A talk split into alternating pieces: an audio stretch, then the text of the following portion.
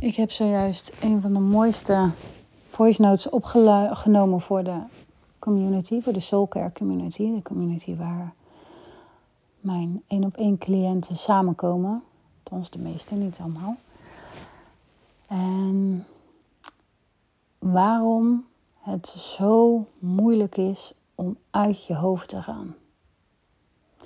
Waarom je je richt op overleven in plaats van leven. En wat er dus nodig is om je leiderschap ja, te uplevelen. Want de meest fijne leiders zijn degenen die verbonden zijn met zichzelf. Dat zijn de leiders die gevolgd worden. Dat zijn de leiders die inspireren, die voorop lopen, die weinig moeite hoeven te doen om een heel team mee te krijgen, of, of kinderen, of een klas, of een groep. Overleven is een skill. En als kind heb je dat te leren. Ja, dat is heel logisch. Je hebt te leren overleven. En als het moeders naar mij toe komen, ik heb jarenlang heb ik moeders begeleid.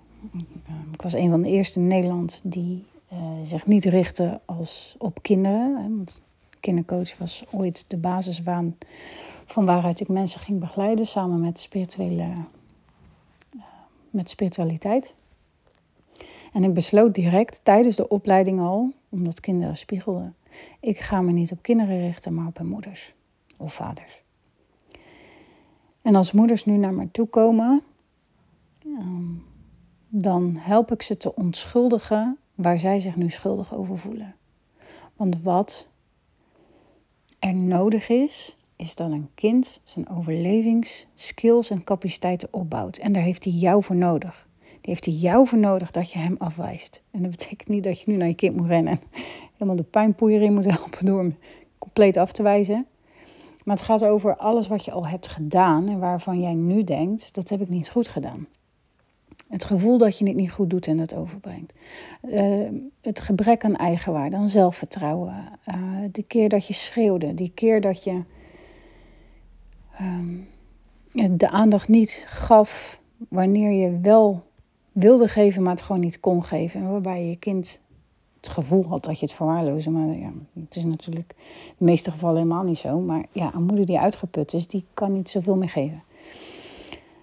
Dus het onschuldige daarvan zorgt dat jij je onschuld terugkrijgt. Maar daarmee ook uh, je kind mm, die onschuld kan bieden. Het belangrijkste wat je hebt te doen is dat je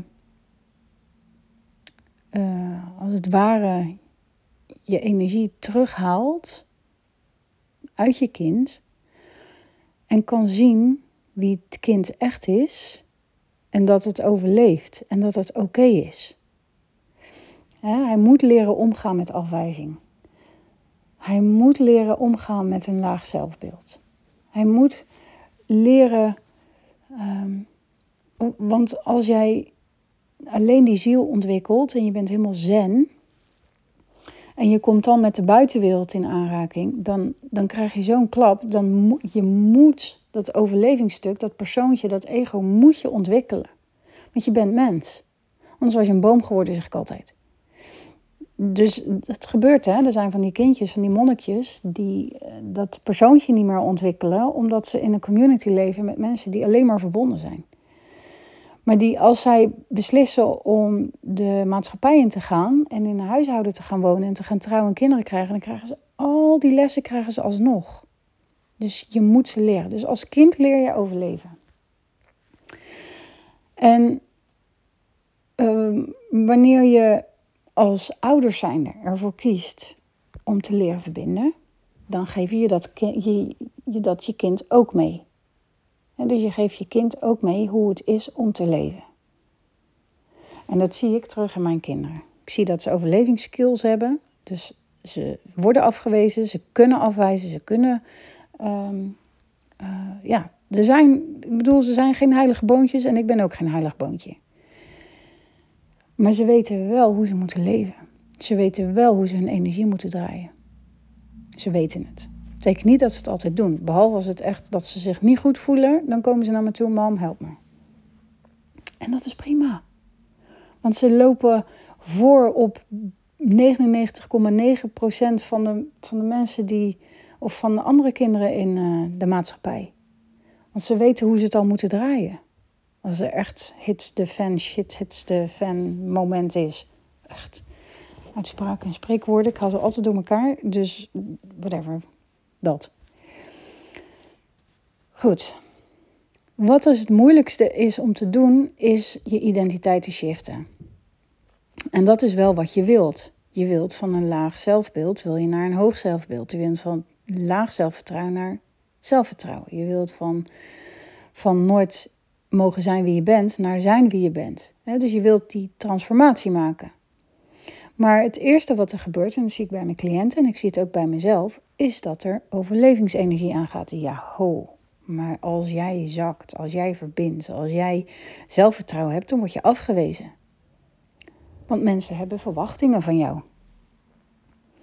Hè, ehm, dat jij bent zoals je bent. Dat ze je misschien wel kunnen manipuleren. Dat gaat niet als jij vol zelfvertrouwen zit. Want jij neemt jouw ruimte op dat moment in. Dus een ander heeft geen ruimte om ergens in jouw ruimte te stappen. En dan knopjes te draaien zodat jij doet wat ze wil, willen. En jezelf buiten een groep zetten, dat betekent dood. Dus alle levens, overlevingsenergie gaat over de angst voor de dood. Alle overlevingsenergie. Dus de angst, uh, dus onzekerheid, uh, gebrek aan stabiliteit. Of nee, ja. dan is daar ook een stuk overlevingsenergie. Uh, afwijzing, mm, veroordeling, verwijten. Allemaal is dat terug te brengen op de angst voor de dood of de dood. En het enige wat wij als mens niet willen is doodgaan. Dus waar ben je hele dagen mee bezig? Is niet dood willen gaan. Aan het overleven. Dus moet je voorstellen dat je in een bos woont, in de jungle of zo. En je hele dagen alleen maar aan het jagen bent. Zie je dat ooit die native people doen? Hele dagen jagen. Sommigen rennen zes uur op een dag. En als ze wat hebben gevangen, dan kunnen ze daarna twee dagen rusten. Doen wij niet? Wij rennen niet zes uur op een dag, maar alle uren dat we wakker zijn. Want zodra we kunnen rusten, gaan we nog meer rennen. Want wat moet je nou met rust? En voor een leidinggevende, voor een ondernemer, voor een moeder, voor als vader. Eh, het, het uitvallen tegen je kinderen, het uitvallen tegen je team. Je ziet het zelfs in de, in de hoogste lagen, vooral in de hoogste lagen. Dus in die politiek waar ze hun hele team afbranden teams waar continu wisseling is van de wacht. Zoveel overleving. Weet je, mensen kunnen die druk steeds minder aan. Waarom? Omdat continu die fear of death wordt geactiveerd. Waarom dat ineens in het Engels zei? Misschien ben je Engels en luister hiernaar. Of hè, heb je Engels als een native uh, language? Ga ik weer. Heel bijzonder. Nou, je hoort ook mijn hersenspinsels even tussendoor. Die ik niet uitknip. Omdat ik ook niet weet hoe het moet. en ik geen knipsysteem heb. Dus je krijgt de rauwe versie. Dus alles komt neer op, het, op de angst voor de dood. En als jij een klas hebt, als jij een gezin hebt, als jij een relatie hebt, als jij een team hebt of als je een bedrijf hebt, en je voelt je niet vredig ontspannen, dan zit je in de overlevingsenergie. Dus ergens is dat thema getriggerd voor de dood, voor de angst voor de dood. En dat zit in zo ontzettend veel lagen. Dat zit op alle thema's van je leven, alle grote levensthema's. Daar zit dat in. En laat het nou precies de thema's zijn die ervoor zorgen dat je wel of geen overvloed ervaart. En ik ken zat mensen die echt die materieel overvloed hebben, maar het immaterieel niet voelen.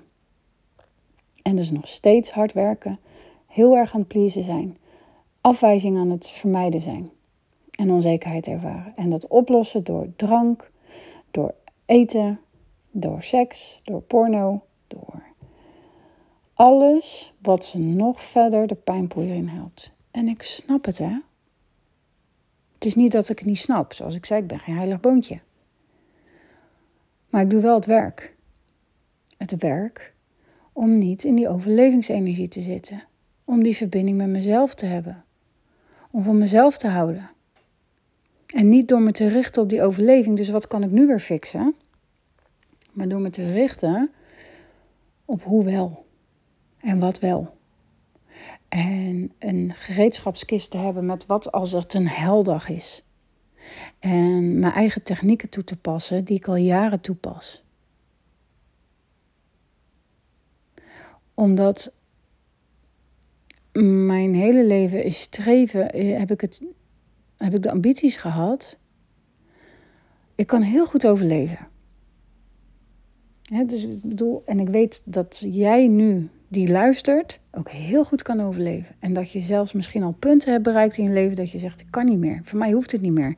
Zonder dat je suicidaal bent, kan jij al ervaren, voor mij hoeft het niet meer. Het is te veel, kan het niet aan, mijn hoofd is overprikkeld, ik ben op, ben opgebrand. En er is een weg. En die, die weg heet niet Netflix, die weg heet niet porno, die weg heet niet vreemdgaan, die weg heet niet chocola of dat glas wijn waar je jezelf vergoeilijkt. Nee, maar één wijntje per dag. Ja, het is toch een fles per week. Je hebt maar één lever, die zichzelf wel vernieuwt, maar ook beperkt is. Het is sterfelijk. Dus als je. En er zijn twee paden die je kan belopen: bewandelen, whatever. En de ene is de extatische pad, dus het pad wat ik net steeds opnoemde. Hè? Dus zorgen dat je energie omhoog gaat en hypert en dopamine en adrenaline en cortisol. En het pad van de serotonine, van de ontspanning, van een zenuwstelsel wat ontspant. En met allebei de paden kun je best oud worden, maar de vraag is hoe gezond. En als je eenmaal de 40 bent gepasseerd, dan ga je steeds meer gezondheids dingetjes ervaren. En hoe meer adrenaline en cortisol jij van jezelf vraagt, hoe meer klachtjes jij krijgt, omdat het hormonen zijn die er alles aan doen om jou te helpen overleven. Dus dat betekent ook dat het andere, hormoon, uh, andere hormonen uh, ja, als een soort parasietje leegtrekt om maar cortisol en adrenaline aan te kunnen maken. Om je volgende shotje te kunnen, te aan te kunnen. En ook die dopamine is beperkt. Dus je hebt iedere keer heb je meer nodig om die energie op te hypen, om die extatische energie op te hypen. En dat doe je niet op een gezonde manier, waardoor je echt. Nou ja. En ik weet niet of je er heel oud met kan worden. Ik bedoel, als we gaan kijken naar generaties mm, voor ons die nu 80, 90 zijn, die hebben een compleet andere structuur. Die hebben ten eerste niet meer zoveel, nou ja, beeldscherm wil ik niet zeggen, maar toch wel. Die hebben een hele strakke structuur vaak. Die hebben een rust, een reinheid en een regelmaat. Wat voor dat lichaam betekent dat er rust is. Want het lichaam gaat slapen wanneer het gaat slapen. En het lichaam wordt wakker wanneer het wakker wordt. Er zit qua maaltijden zit er een structuur in. dus ontbijt, dus middag.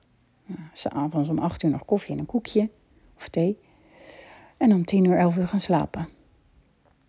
En dat is iets wat bijvoorbeeld kinderen extreem nodig hebben. Maar waarom hebben we een ritme van 9 tot 5? Omdat het gewoon heel prettig werkt. Ja?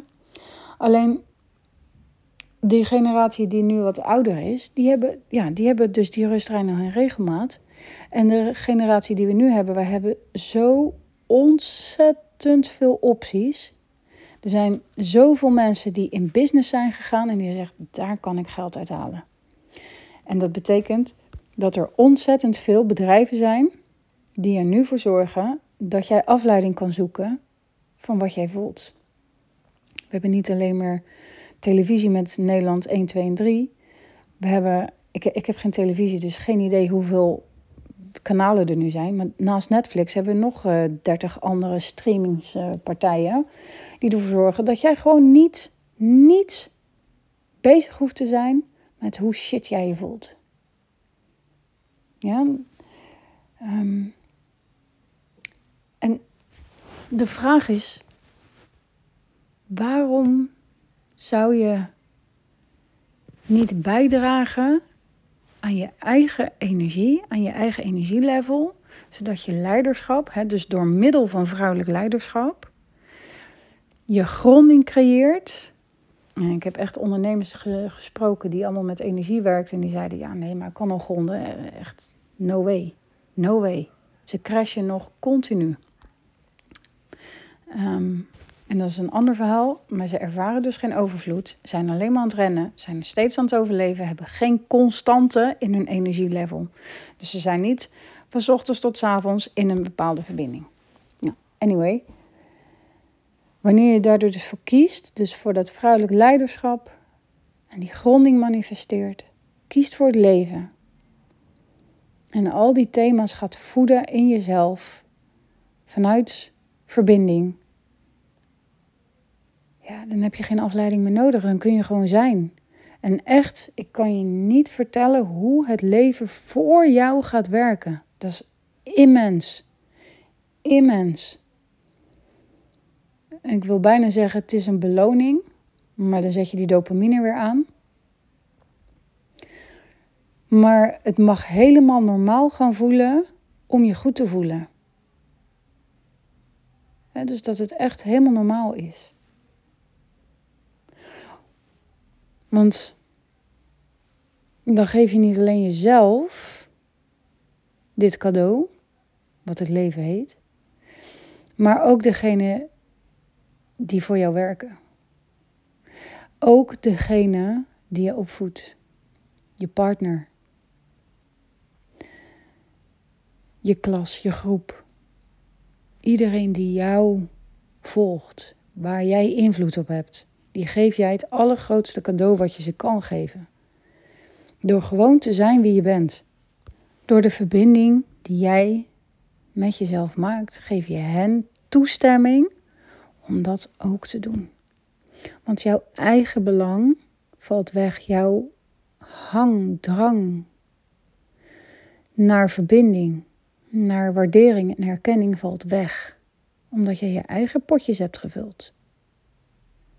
De drie pijlers waar ik mee werk, al twaalf jaar, zijn bestaansrecht, veiligheid en eigenwaarde. En het zijn de grootste levensthema's waar de meeste problemen in zijn. Als in uitdagingen.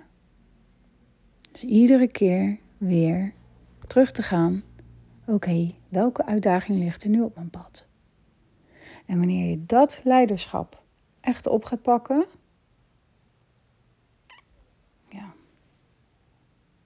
dan krijg je zelfvertrouwen. Je gaat authenticiteit uitstralen. Je positie, alsof het nou. Ik kreeg gisteren ook weer een appje van een oud cliënt.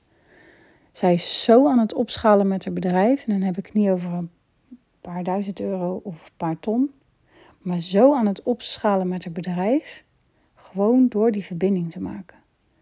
En wat doet dat voor haar um, voor de mensen die zij inspireert? Wat doet dat voor haar kinderen? Wat doet dat voor haar relatie? Want zij kan niet meer anders dan kiezen voor zichzelf. Ik kreeg ook laatst weer van iemand die een promotie heeft gemaakt. En niet één keer, maar twee of drie keer. In een half jaar tijd. En opslag. Vorige week een vrouw. Die zei, ja, ik heb om een loonsverhoging gevraagd en ik kreeg hem. Dat is een gevolg, en ik heb het nu alleen even over ondernemen en over uh, leiderschap. Maar dat zijn gevolgen wanneer je gaat verbinden. Omdat het universum altijd voorziet. Ik kreeg vandaag ook weer het antwoord. Ze van ja, dat, dit, is, dit is normaal. Het is normaal om jou dit te geven, want je vraagt erom. Dan lijkt het net of ik een gesprek had met het universum, maar ja, misschien kan je het ook wel zo zien je gaven gaan ontwikkelen. Dus je krijgt antwoord wat ook ergens op slaat. Dus niet uit je hoofd, maar uit verbinding. En antwoorden die uit verbinding komen, die kloppen altijd. En de antwoorden die niet uit verbinding komen, maar uit het hoofd, dan zul je altijd merken van ja, die beslissing is toch niet helemaal de juiste geweest. Ja, dat komt omdat die uit je hoofd komt. En je hoofd is altijd beperkt. Ja. Goed, wat dus het moeilijkste is, is die identiteitsshift. En om van overleven naar leven te gaan. Dus waar mijn hele werk dagelijks om draait, van overleven naar leven. Dat is wat je hebt te doen. En als je het niet doet, is het ook goed. Dan komt het in een volgend leven. Ook prima. Begin je gewoon opnieuw. Dus je moet niks. Maar uh, als, je, als je mag kiezen, dan denk ik dat het toch wordt dat je kiest voor leven. En als ik zie wat het voor mijn kinderen doet, maar ook voor uh, de kinderen van mijn cliënten, hoe dat doorwerkt. Dus de verbinding, de rust, de ruzies die verdwijnen, kinderen die gaan slapen, uh, pubers die kalmeren. Ik heb echt, het is niet één, maar ik heb drie kinderen die in balans zijn. En ja, ze zitten op een beeldscherm. Ik bedoel, uh, weet je, af en toe maken ze een puinbende van hun kamer. Ook helemaal prima. Maar ze zitten goed in hun vel. En dat, krijg ik, dat, zie, dat zeg ik niet alleen. Ik krijg dat terug van mensen. Wat heb jij fijne kinderen? En dat allemaal omdat ik ooit de keuze maakte om niet door te geven wat ik zelf had meegemaakt. Dus niet mijn projecties op mijn kinderen. Uh, en natuurlijk doe ik dat wel, heb ik dat ook gedaan. Maar ik denk dat ik voor 70, 80 procent alles heb opgeruimd. En ik zie dat terug in mijn kinderen. Ze hebben authenticiteit kunnen ontwikkelen. Wie ben jij? Natuurlijk hebben ze lessen. Wees daar maar gerust over. En dat is maar goed ook. Want als de lessen over zijn en zijn ze hier klaar, kunnen ze weer naar boven. Hè, kunnen ze weer uh, gaan hemelen. Um, relaties, wanneer, dat is helemaal het mooiste. Ik ga daar binnenkort ga ik er veel dieper op in op relaties, omdat die essentieel zijn als jij ondernemer bent of als jij leiderschap hebt. Maar ook als je moeder bent. Als je, als je relatie scheisse is, dan, uh, dan heeft het meteen zijn weerslag op die kinderen. Maar relaties, mensen die na zes maanden apart slapen, weer samen gingen slapen en na jaren later nu nog steeds samen zijn en helemaal gelukkig. Uh, mensen die eerst uit elkaar gingen en nu eerst dan scheiden dachten en gewoon, ja, dat nu eens niet meer in een vocabulaire hebben. Uh, ik heb ook stellen begeleid die enkel verdieping wilden in hun relatie. Dus nog niet eens zozeer dat ze iets moesten fixen. En er waren wel dingen, dus de communicatie is vaak een ding, seks is vaak een ding. En uh, het gebrek aan verbinding is vaak een ding. Maar op het moment dat er al een bepaalde basis is en je, je komt bij mij om een verdieping aan te brengen in je relatie, nou dan ja. Ik beloof je voor 70%, want je hebt er zelf echt ook nog een deel te doen, dat het echt alleen maar beter wordt. Oké. Ik heb heel veel behandeld en benoemd in deze energieles. En je voelt zelf of je mm, de diepte in wil en of dan ik de juiste begeleiding ben. Neem gerust contact met me op en wil je alsjeblieft deze energieles, de podcast, vijf sterren geven, want dat, dat is fijn voor uh, zoek, zoekmachientjes. Yes, ik dank je vanuit mijn hart. En uh, ik wens je een fijne dag.